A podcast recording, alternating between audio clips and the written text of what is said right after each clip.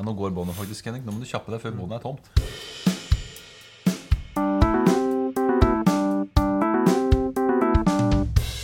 Den gang da.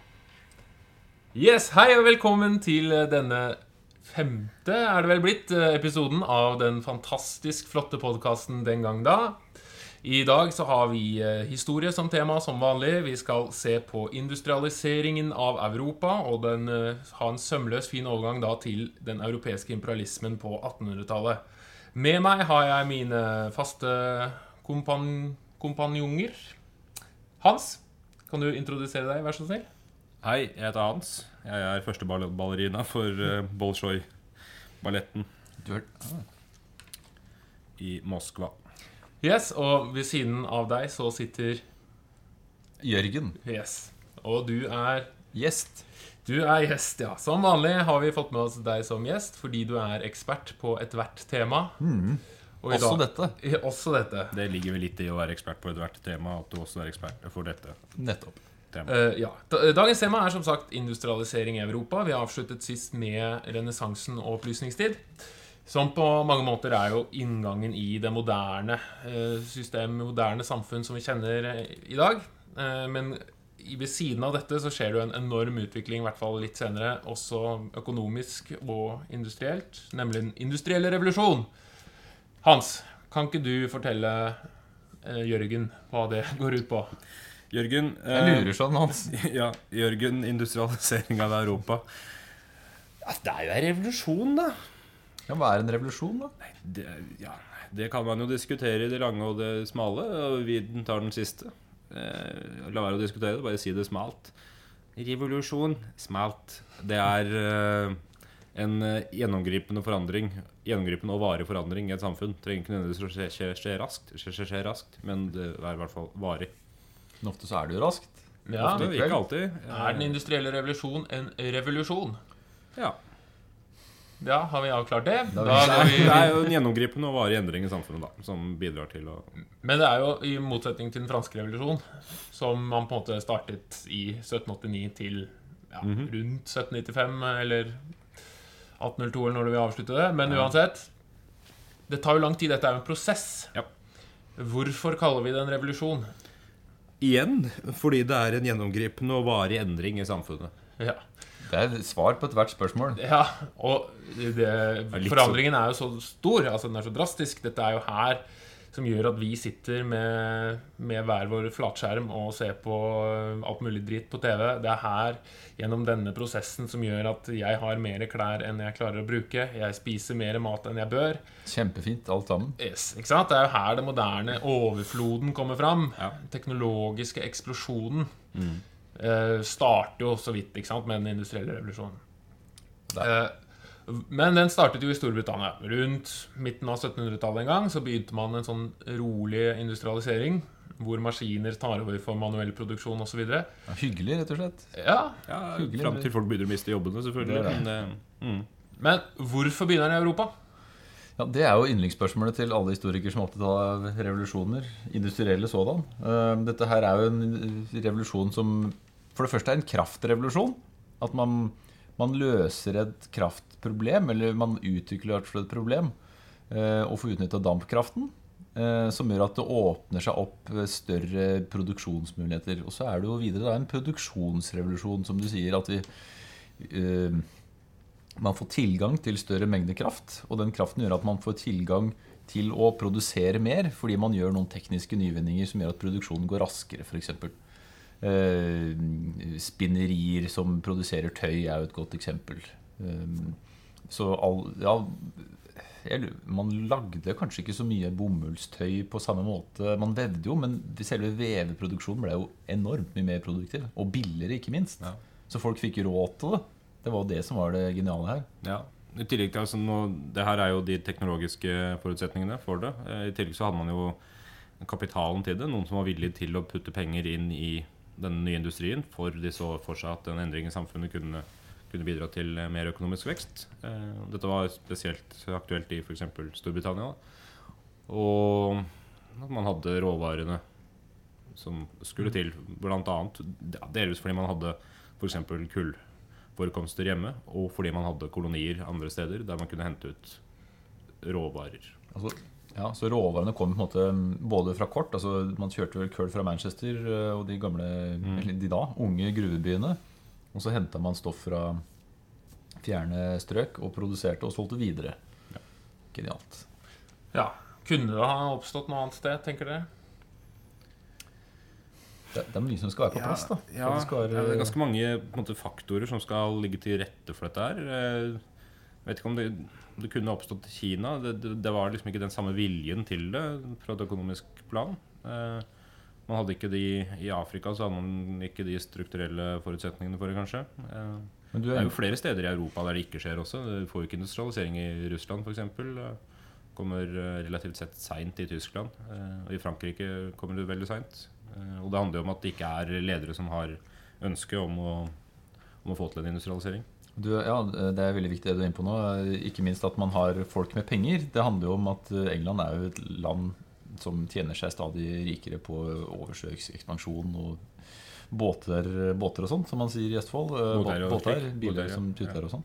Men eh, også er det jo ikke minst noen som er villig til å ta risk. Ja. Ta risiko.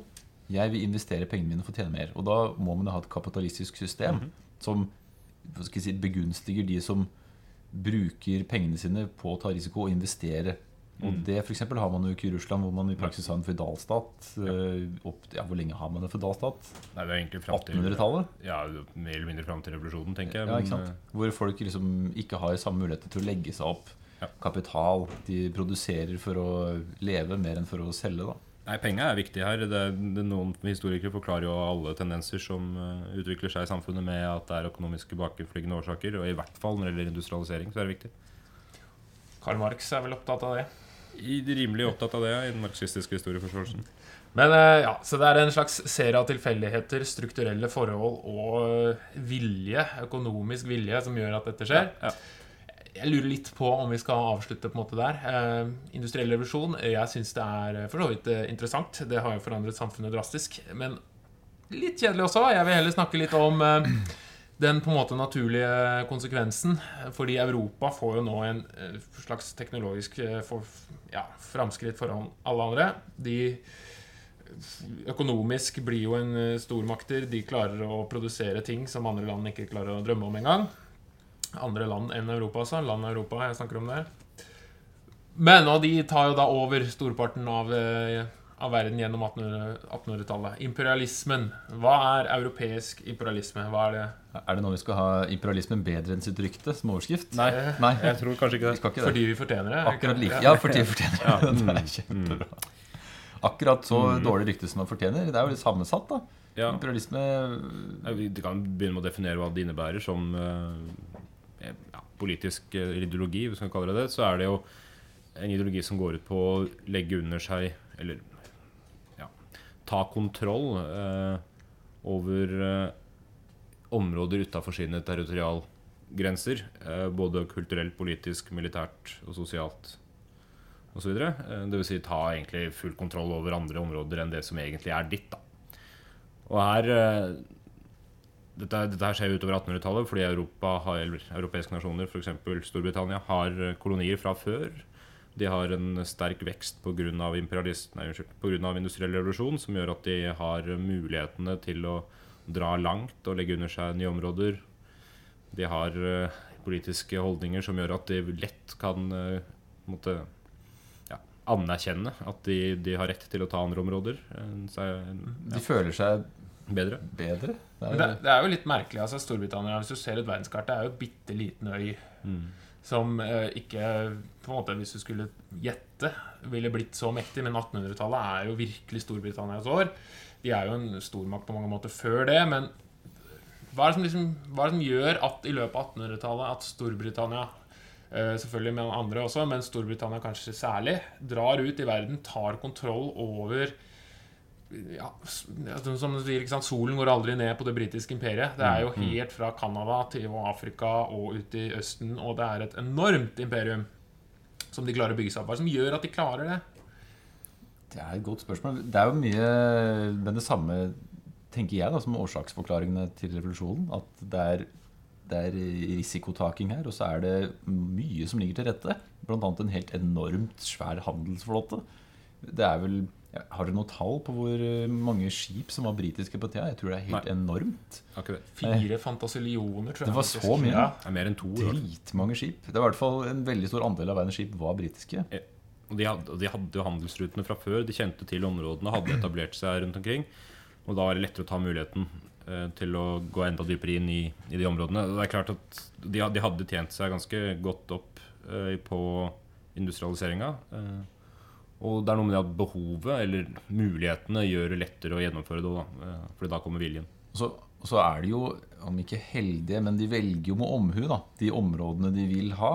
Eh, vi, vi må vel være innom India, eh, som omtales jo som juvelen i kronen, som jo er et enormt område som de legger under seg og får mye cash ut av. Ja. Eh, Cash er et godt uh, ord for øvrig, fordi det faktisk er myntenheten man bruker i Det ostindiske kompaniet. nettopp. Ti cash. Eh, her her er det i hvert fall et Det er sant? Er det Ja. sant? Ja, ja. Er det der det kommer fra? Ja, jeg- ja, Fra det indiske ordet kaso, eller noe sånt. Ah, Ja. Jeg har en mynt hjemme som heter Ti Cash Ostindia Company. kan du vise den fram for mikrofonen? Nei, kan ikke den ligger hjemme. Jeg sa jo det. Den ligger hjemme Ellers hadde det vært. Ja. Ja, India, men uh, hvorfor uh, India? Altså, det er et uh, stort rike, mye folk. Hvorfor er in, uh, britene interessert i å ha den uh, svære befolkningen der under seg? Hva er, hva er liksom formålet? Det, det ene er jo at de vil ha råvarer derfra. Eh, Det andre er jo kanskje det at de Det, ligger en sånn form for uh, ja, Noe som i dag er litt fremmed, da, men en ideologi i bånn der som gjør at britene føler seg overlegne den indiske befolkninga. Noe som gjør også at de, de skal kunne beskytte dem ved å på en måte bli deres herskere. Da. Eh, Så Det ene er det økonomiske, og det andre er kanskje en sånn ja, det, det, det Kipling kaller 'white man's burden'. Altså Det er på en måte den hvite manns byrde å legge under seg andre, andre folkeslag. Fordi ja, lære dem opp i vår, vårt levesett. da Er Cecil Rhodes sa Ja. vel det fint, altså. Jeg ser det som at vi er den beste rasen i verden, og jo mer av verden vi innehar, jo bedre er det for verden. Det er, det er ikke snaut. Nei, det er ganske Det er en slags sånn tung plikt, da, som, det, Ja, som du sier. White man's burden. Har du den holdningen, så, så, så, så kan du rettferdiggjøre å legge under deg ganske mange andre områder. egentlig Vi eh, kan jo bare ta et lite sidespor. Eh, Jeg bare, hvis jeg husker riktig, så er det en eh, mann som bør nevnes eh, når man snakker om indisk eh, eh, Indisk imperialisme, altså britene i India. Kjenner du til Robert Clive? Ja. Du kjenner Ja, til Robert ja. Clive?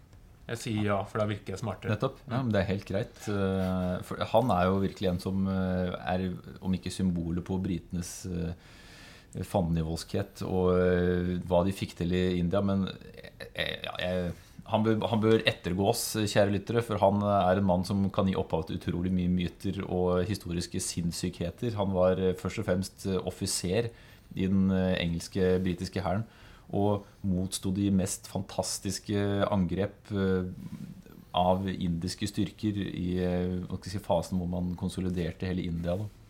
Kjenner du noen av historiene hans? Jeg er ikke noen konkrete ting som du sikkert har tenkt å dra. Det er i hvert fall sånne enkelthendelser hvor han er måte, han alene mot, med 300 soldater som bekjemper 50 000 i løpet av eh, to timer på ytterste klippen mens han holder den ene hånden og ringer hjem eh, via telegraf. Altså, det er helt sånne Det er litt som norrøne saga over Ja, det er, men altså, Mine kilder er jo ganske nøkterne vanligvis, men her har de tilsynelatende smørt så tjukt på at jeg tenker at det her må være noe sant. da, at Hva han har gjort.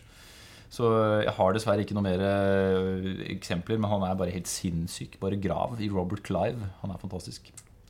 Det skal jeg gjøre. Eh, Men eh, vi, jeg tenkte India er jo, som du sier, juvelen i kronen. Eh, Britene er veldig glad i te.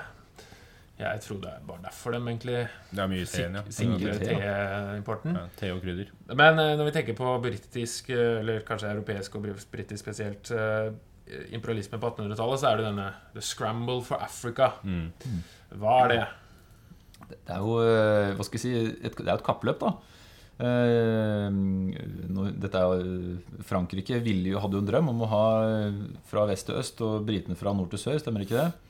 Og så møttes de i der hvor linjene kryssa hverandre og slåss eh, mye på afrikansk jord. Men poenget var jo å legge under seg og sivilisere disse områdene som man jo eh, som dere begge har vært inne på, altså denne hvite manns byrde. At Mm. man jo Åh, ja vel, da. Så skal vi okkupere dere og lemleste dere og eh, trakassere dere på det verste mot at vi tar pengene deres. Det høres jo kjempefint ut. Den, den tanken her bør jo utvikles også ut til å, ja, til å, til å ta for seg at dette her blir eh, Det blir på en måte europeisk maktkamp på det afrikanske og eventuelt andre kontinenter. Eh, det er allerede en eksisterende kamp i Europa pga. industrialiseringa. Så har eh, europeiske nasjoner begynt å eh, krangle med hverandre. Man, eh, noen ja, Vi ser fremveksten av en sterk nasjonalisme som gjør at de forskjellige landene ser på seg sjøl som bedre enn nabolandet. Og så overfører man på en måte bare den konflikten her til, til f.eks. Afrika. Tyskland blir et problem her òg, fordi de, etter samlinga på 70-tallet så drar de virkelig i gang med en Men de er så industrialiseringsprosess. seint ute. De er Det seint er ute, men 1870-tallet, da. Ja, ja, Ja, nei, ja, nå, ja, nei, det er greit, det. Like etter Ole München. Er, igjen, eh, hvis vi holder oss til 1870-tallet, så vokser Tyskland veldig fram etter at de blir samla til en nasjon. Eh, og de, de, de, det blir jo et tysk problem både for Frankrike og Storbritannia, som er livredde for hva tyskerne får til. Eh, tyskerne ønsker jo naturlig nok en del av den imperialistiske kaka. Og- Tyskland blir på en måte den nye gutten i klassen som er både sterkere og kjekkere og har mer drag på damene enn deg. Men som er seint ute. Ja, ikke sant? Det er mange Hvorfor så du på meg da du sa 'enn deg'? Ja, deg. Er du den nye? Nei, det er vel den som da var der fra før. Ja, men Altså, som så kommer ny som er kjekkere, Føler du deg mest Og, fransk eller britisk? jeg føler meg eh, Jeg veit ikke. Jeg Alltid tror- tenkt på det som dansk-norsk. Dansk-norsk, men Ja. da er jo Frankrike-koblinga større, kanskje. Ja. Men eh, spørsmålet er jo også fordi europeerne reiste jo rundt allerede. ikke sant? 1400-1500-tallet var jo Ja. og farta og slo seg ned og lagde kolonier og handla med store deler av verden. Mm. Men Afrika, kampen for Afrika begynte jo ikke før sånn mot slutten av 1800-tallet. Hvorfor ventet de så lenge? Ah, Det er et godt spørsmål. Vi må jo vi må ikke glemme at eh, nederlenderne var tidlig ute. Helt i bånn. Sør-Afrika, boerne, var jo, hadde jo fotfeste der og kjempa sine Jeg skal- ikke ikke brave slag mot zuluene. Det var vel heller ja, Og senere mot de britene. Der var det jo europeere som kjempet på afrikansk jord. Men de var tidlig ute. Det var 1600-tallet, var det ikke det? Slutten av 1600-tallet. Men ja, hvorfor var de så seint ute? Kanskje du uh, har noen ideer om det, Hans? Nei. Nei. Eh, har du, Henning? Du som stiller spørsmål. du ja, har jeg stiller spørsmål, men jeg tenker dette er sånn som eh, dere sikkert Ja, eh, kan det? gripe fatt i. Ja, ikke, visste de ikke at Afrika lå der? Jo, klart det. hadde jo Men vært det De, var jo ikke det drevet at med det, slavehandel lenge. Ja, men de ventet jo ikke med å okkupere eller ta Afrika Nei, nei. fordi de ikke ønsket å ha det før. Men de klarte jo ikke. Nei, det handler jo litt om utvikling av medisiner, okay. av teknologi, som kommer som en, Hvis du, som en årsak- etter, et, ja, etter, hvis du ser etter industrialiseringa, da, så kan jeg Eller er du, vil du ta det? Skal jeg ta det? eh, Nei, kjør på. Da tar jeg det. Ja, ta det i vei. Så skal jeg gi deg karakter, og så se om det er riktig Ja, eller feil. altså Industrialiseringa som vi har jo vært inne på, fører jo med seg en hel del forutsetninger eh, som gjør at det skal bli lettere for, eh, for europeerne å få til en sånn tydelig dominans. Da. Det er bl.a. At, eh, at de får eh, teknologi som gjør at de kan eh, dra kjappere til eh, nye steder med dampbåter. De får kommunikasjonsmidler av typen telegraflinjer osv. De får jernbaner som gjør at de kan dra innover i landet i, i landene i Afrika. Og de utvikler eh, medisiner som gjør at de kan overleve i Afrika. Som la oss innrømme det, er et jækla hardt område å overleve i pga.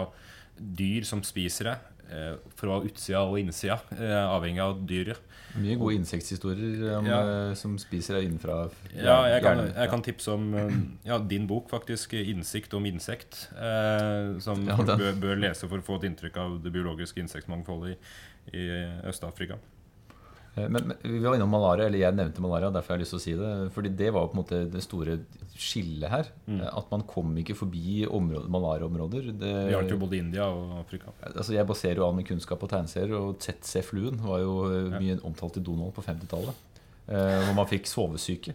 Ja, ja, og, Eh, og da britene det er fæl sykdom. Ja, og da britene møtte måte folk fra et område, så, så tror jeg det Mulig at noen har sagt dette før, altså, men at det har gitt opphav til myter om at eh, afrikanere var slappe og orka ikke og ville ikke jobbe. Men det var Mm. For nettopp de hadde så syken, ja. ja, og det, det er vel rundt ekvator og sørover, er det det? Jeg er litt på tynn is her, men eh, Ja, mulig. Men det, men det er jo en av de populære kurene mot malaria som viser seg nå ikke funke, selv om franskmenn fremdeles holder på det. Det er jo gin tonic. Eh, og Der kommer den- drinken inn, og det er veldig greit, egentlig.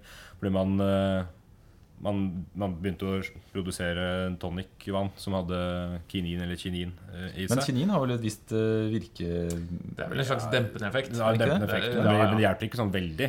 Bedre med en malariapille. Ja, Det men, det. men det smakte jo drit da av denne tonicen, så derfor tenkte man vi må gjøre noe med det, og så blander man inn gin. Gin, ja. Alt blir bedre med gin, så du kan i grunnen bare drikke tonic, men britene drakk gin tonic. Men kinin er jo et interessant legevitenskapelig framskritt. Altså Det er en Ja. av de første eksemplene på Ja, hva er det første eksempelet på? Jeg, jeg mista helt fatningen her, men det er, eh, det er i hvert fall et framskritt når det gjelder eh, forskning på konkrete legemidler. Det Ja. ja. Hadde ikke så mye mer å si om det. Nei, og dette, men dette her kom jo pga. industrialiseringa osv. Og, og, så, så det er jo muligheten, eller årsaken da, som vi endelig har kommet fram til, til at de ikke fikk tatt disse områdene tidligere.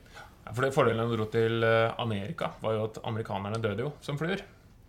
Ja, ja Latinamerikanerne, indianerstammene, døde Ja, det- fordi for- de ikke var vant til å eksponeres for våre De hadde jo ikke samme sykdomsfloraen, mens i Afrika hadde de jo det, og mer til. Da, der var det omvendt, ja. At eh, europeerne døde. Ja. Og så er det dette maskingeværet, da. Maskingeværet, Det ja. Yes. Det Eh, hjalp Det jo. er klart det, Når, du, når britene møter opp eh, med kanonbåter og maskingevær og stort sett slåss mot folk som er bevæpna med frukt, eh, så er det begrensa hva slags motstand du møter. da Maxim Machine Gun er jo det første machine, ordentlig funksjonelle maskingeværet. Ja. Og det, det plaffa ned afrikanere over en lav sko, det. Så det er alltid greit å ha maskingevær.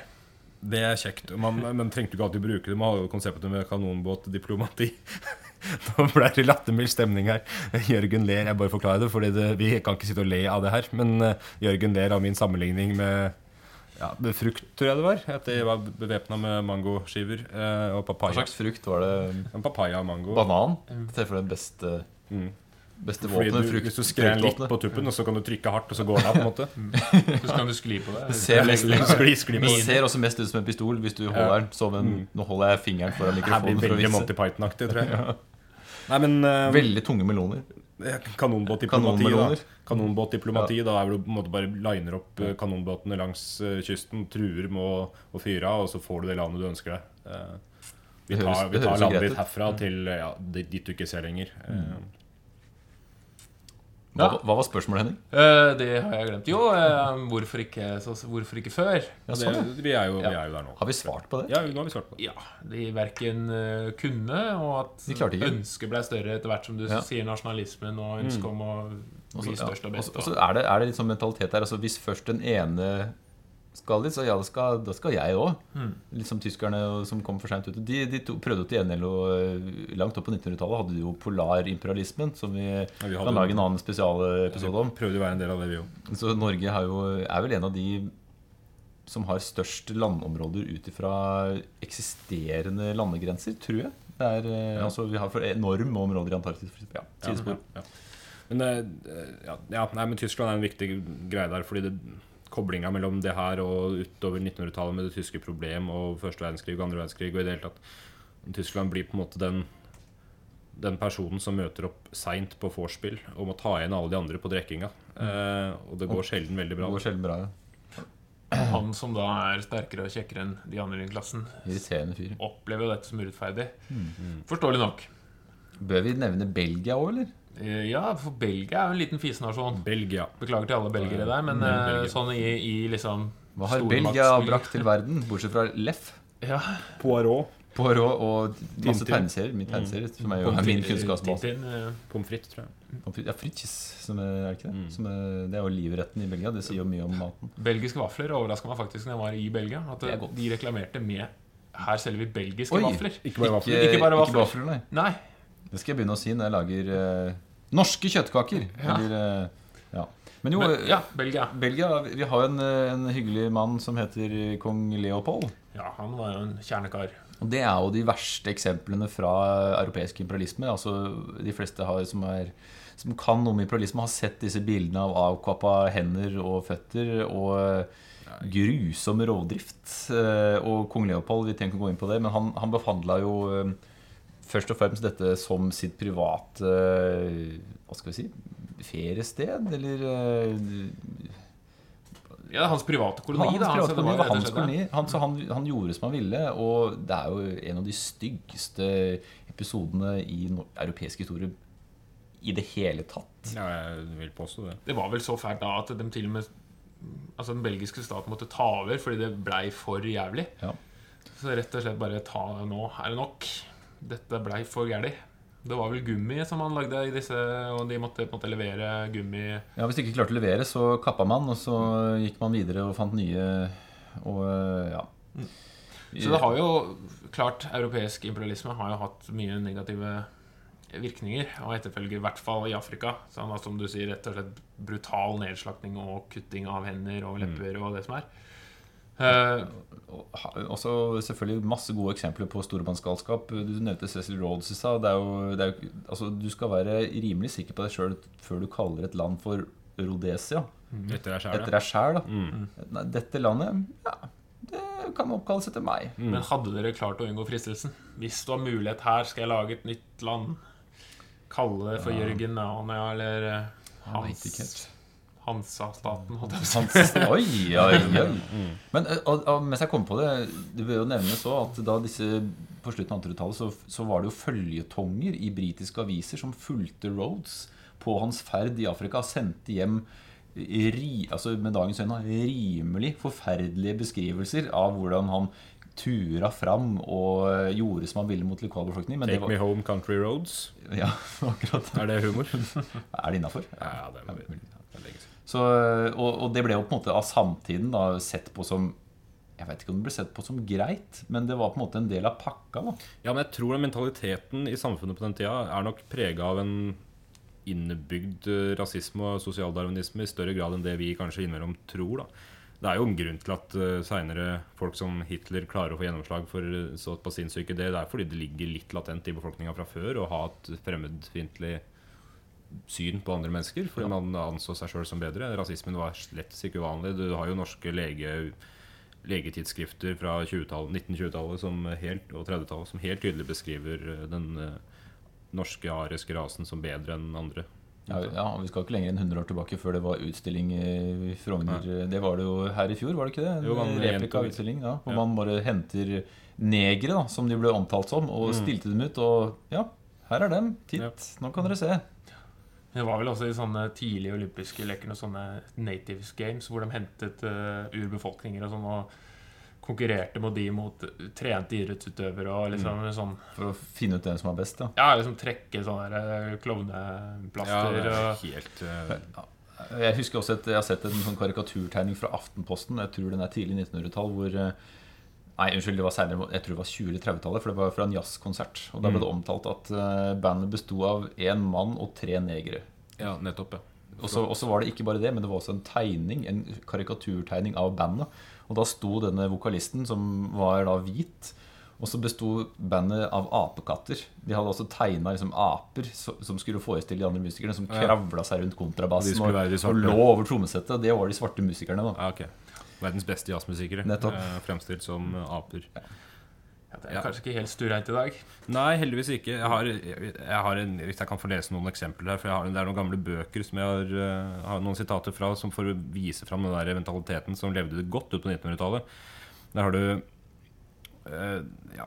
Det er, det er en som heter eh, Holder Rosenborg, som i 1928 skrev en bok som het 'I Stanleys fotspor'. Gikk ut på Alders familiejournal, som eh, opphavet til Aldersbladet i dag. Og han omtaler da en tjener han har i Afrika, og han skriver eh, Min boy er en god gutt, ikke så lite innskrenket, derfor er han trofast, og det er i Afrika en verdifullere egenskap enn aldri som egen klokskap. Hva boyen heter, vet jeg ikke, og det er også likegyldig, for alle negertjenere i Afrika heter boy, og intet annet. Det er veldig greit. Det er, ikke, det er jo ikke hyggelig. Um, Det er liksom før strikkeoppskriften på før, før strikkeoppskriften og bakegreiene. Så det han sier, er at alle er den samme greia. Det er bare forskjellige Ja. utgaver av Boy. Det er det. En annen her er en som heter Johannes Falkenberg. Skrev i 1948 en bok, en bok som heter 'Et steinalderfolk i vår tid'. Eh, der han eh, har vært, jeg tror det er i Afrika et sted, der han skriver en eh, beskri altså han, han skildrer på en måte en, annen- et eller annet funn han har gjort da med disse folka, og skriver mange interessante detaljer kunne fremheves i forbindelse med skallen. For det første er kranieveggene tykkere enn hos an noen annen kjent rase. Det er dette faktum som gjør de innfødte skaller så ufattelig motstandsdyktige, f.eks. mot kølleslag. Ja. Det er jo en, Det er en viss empiri bak det, antakeligvis. Det jo det, Det er jo det som er trist. Og dette er, dette er 1948. Det er seint. Går det an å trekke veksler mellom eh, det første du leste med Boy og sjokoladedrikken? Som heter uh, Oh Boy. Oh boy. Ja. Det veit jeg ikke. Jeg håper ikke det. Men altså, det er jo helt klart at det har skjedd mange overtramp i på en måte, europeisk imperialismens uh, fotspor. Ja.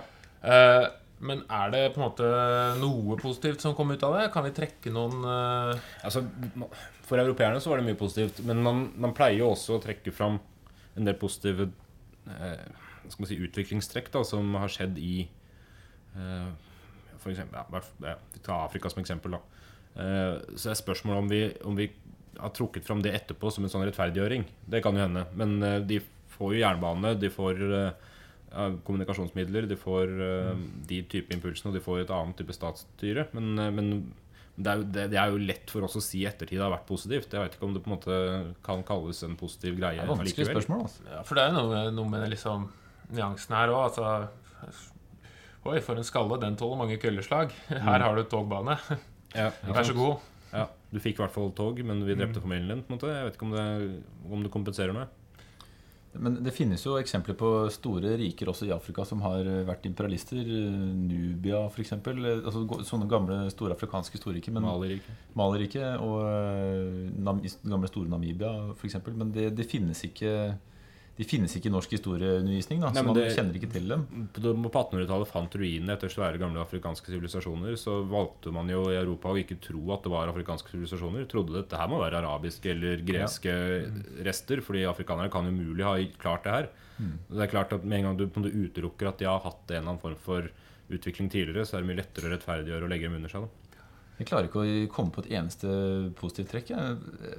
Nei. Men det må, altså, det er Det er- ting vi kan liksom Som sagt, vi, vi, vi påpeker jo at det er, eh, de har fått eh, infrastruktur og ditt og datt eh, etter, etter dette her, men, men samtidig så, så er utgangspunktet såpass ille at jeg veit ikke om man kan si at det er et positivt trekk. da Ja, for det er, Man skal vel ikke rosemale situasjonen i Afrika før europeernes inn- inntog heller? Altså, det Nei, har jo vært selvfølgelig kriger til en viss grad, og sikkert eh, brutal behandling av Ja, det ene har og det, og det er jo som at slavehandelen eksisterte i beste velgående før europeerne kom dit. Det er vel styrkeforholdet her som kanskje gjør dette så eh, på en måte fælt. At den Det er feige lag. Ja, ikke sant? Det er feige lag. Det er Rosenborg mot eh, en eller annen eh, femtedivisjonsklubb. Brann. Ja, så, så, sånn sett, sånn teknologisk eh, messig. Men eh, jeg tenker det er jo et land også som eh, Eller et område som før på en måte europeer, europeernes inntog ser på seg selv som bedre enn europeerne. Eller motsatt. altså de, Europeerne har ingenting å tilby. Altså tenker jeg på Kina. ah. For de, de, i motsetning til andre, så så de der europeerne komme, så tenkte de at disse slabbedaskene har ikke vi lyst til å ha noe med å gjøre. Har dere noe Ja, Men allikevel så klarte i hvert fall britene å få ganske stor innflytelse i nettopp Kina. Ja, hvis vi skal gå lenger tilbake, så har vi jo selvfølgelig Zheng He, som er den store oversjøiske sjøfareren i kinesisk historie. Og han var jo aktiv Jeg tror det var på ja, nå er litt usikker på Var det 1300-tallet? eller var det 1400-tallet. 1400-tallet, Han, var muslim, så jeg husker. ikke det? Nei, ikke Schengen, tror jeg. Det, det er en eh, kinesisk eh, opphav. Men det jeg Du husker er klar over det, men jeg tror han Men i Kina så hadde de jo relativt stor religionsfrihet, i hvert fall under, eh, under mongolherskerne. Kan ikke det Ja, for han var vel så langt som i Han var vel i Øst-Afrika. Han, var, i- og- han, Han han de sier at han må til Australia, og ikke bare det, men han hadde med seg en helt sinnssyk flåte med flere hundre skip. Og størrelsen på de skipa var jo helt vanvittig. Altså På den tida her så, så seilte han rundt da med jeg tror hovedskip som var 100 meter langt og 40 meter bredt. Altså vi snakker fotballbane omtrent. Og på samme tid så dro Columbus til Amerika med et skip som var knappe 20 meter langt. Eh, Så vi ser og, og, 4 cm bredt. 4 cm, veldig smalt. Smalgangsnett. Mm. Eh, Men eh, som du sier, altså, de, de var ikke interessert etter det her og pakka seg inn i sin egen Ja. selvforherligelse. Fordi han dro vel ut egentlig bare for å vise sin prakt. Altså vise Kinas Ja. eh, altså, Haha, se på oss! Nettopp. Og så dro de tilbake. det. De hadde jo silkeruta si, så de kunne drive med handel, men de var ikke så interessert i å få kobling til Europa direkte. Nei, de stengte jo grensene for, Så for når europeerne kom, så var jo ikke kineserne noe særlig interessert i hva de hadde å tilby. Nei, Men hva er det europeerne fant ut at kineserne ville ha? Jo, narkotika! Endelig et, Ja. et smutthull. Det vil dere ha. For det Ja. er jo en lønnsom, eh, lønnsom bransje. Opium ble jo greit. Det ble rett og slett eh, ja, opiatparadiset. For Mm. eh, kineserne var det noe de ikke hadde kjent. eh, Og som europeerne heldigvis kunne dekke det behovet som de Ja, det var godt, altså. Det- Det er jo ofte det at altså, hva sier historien er skrevet av seierherrene. Og Ja, De andre var jo for heldige til å klare å skrive noe. ja, i den delen der av vår historie, da, hvis du skal si europeere som ett Det at du kommer inn i et land, begynner å selge opium, som helt klart har en negativ virkning på befolkningen De sier det. Ja, Det er jo ikke ålreit å ha en befolkning full av opiumsbrukere. Nei. Noe kinesiske myndigheter jo selvfølgelig ble klar over. Ja. Og eh, sier til eh, britene at nå slutt å selge narkotika til oss, er du grei? Det er jo egentlig en ganske grei forespørsel. Hvor det da blir en krig mellom Kina og, og, og Det er- Storbritannia og det handelskompaniene. Ja, de store dopkrigene opp gjennom åra. Ja. det er kartell, Ja. Mm. Og da, hvor da britene vinner og får stor innflytelse, og, og Mm. Hongkong annet, osv. Dette er jo triste saker, da, egentlig.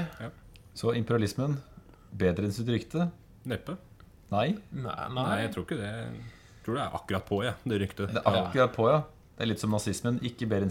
Nei, det er, det er omtrent det er litt verre jo mer du går inn i det. da. Ja. Ja, Sett med våre øyne så er det jo ganske Altså våre moderne øyne så er det jo ganske fælt, det som skjer. Sånn rent medmenneskelig. Men uh, vi skal jo ikke avslutte med Vi må avslutte med noe positivt, føler jeg. Okay. Uh, Nå er jeg spent. ja, jeg appellerer til dere. Du gjør det. Ja, Så vi skal finne noe som er positivt? Ja. ikke, ja, Nei, nei, vi kan jo fun fact eventuelt, da. Fun fact, Ja. ja. Jeg har en, Kan jeg ta en krig? Ta, ta en krig. Er det. Det er krig er gøy. Fordi her Vi avslutter med noe positivt. Vi avslutter med krig. Ja, men det, er, det er litt gøy, da, om ikke annet. Krig, det, det viser, om ikke annet uh, ja, For det er jo morsomt å se hvor, hvor, hvor stormannsgale f.eks. Storbritannia var.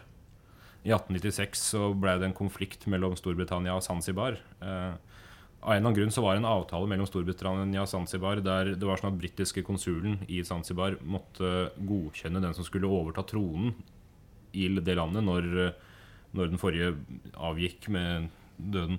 Og der hadde du en sultan som var britisk-vennlig, som het eh, Hamad bin eh, Tuwaini. Han døde 25.8.1896. Det årstallet er veldig viktig å huske, folkens. Eh, og så hadde du da en annen sultan som overtar, som het Khalid bin Bargash. Han ble ikke støtta av britene, da, og da blir jo konflikt, da, fordi britene skulle liksom anerkjenne dette her, selv om de i utgangspunktet egentlig ikke sånn fra et normalt perspektiv hadde noe som helst grunn til å måtte anerkjenne hvem som var leder i Zanzibar.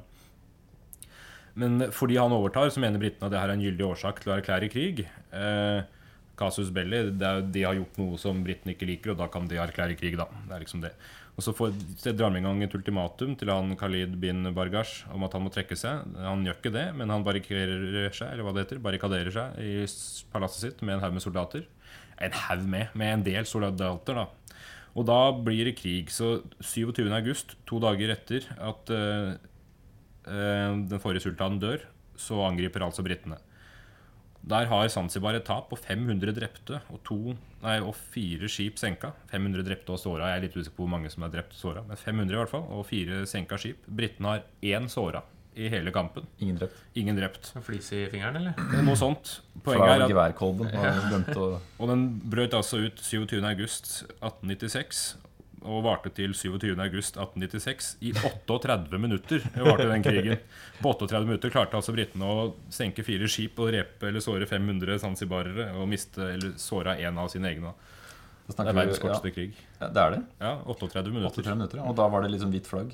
Og Da var, ja, da ga de seg, tror jeg. Dette her er jo bare uttrykk for britisk stormannsgalskap, spør du meg.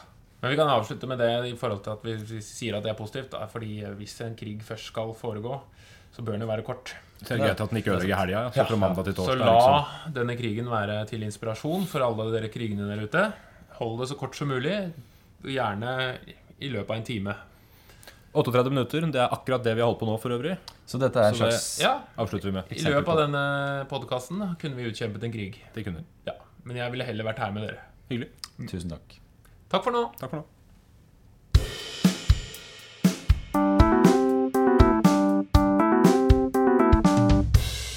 Den gang da.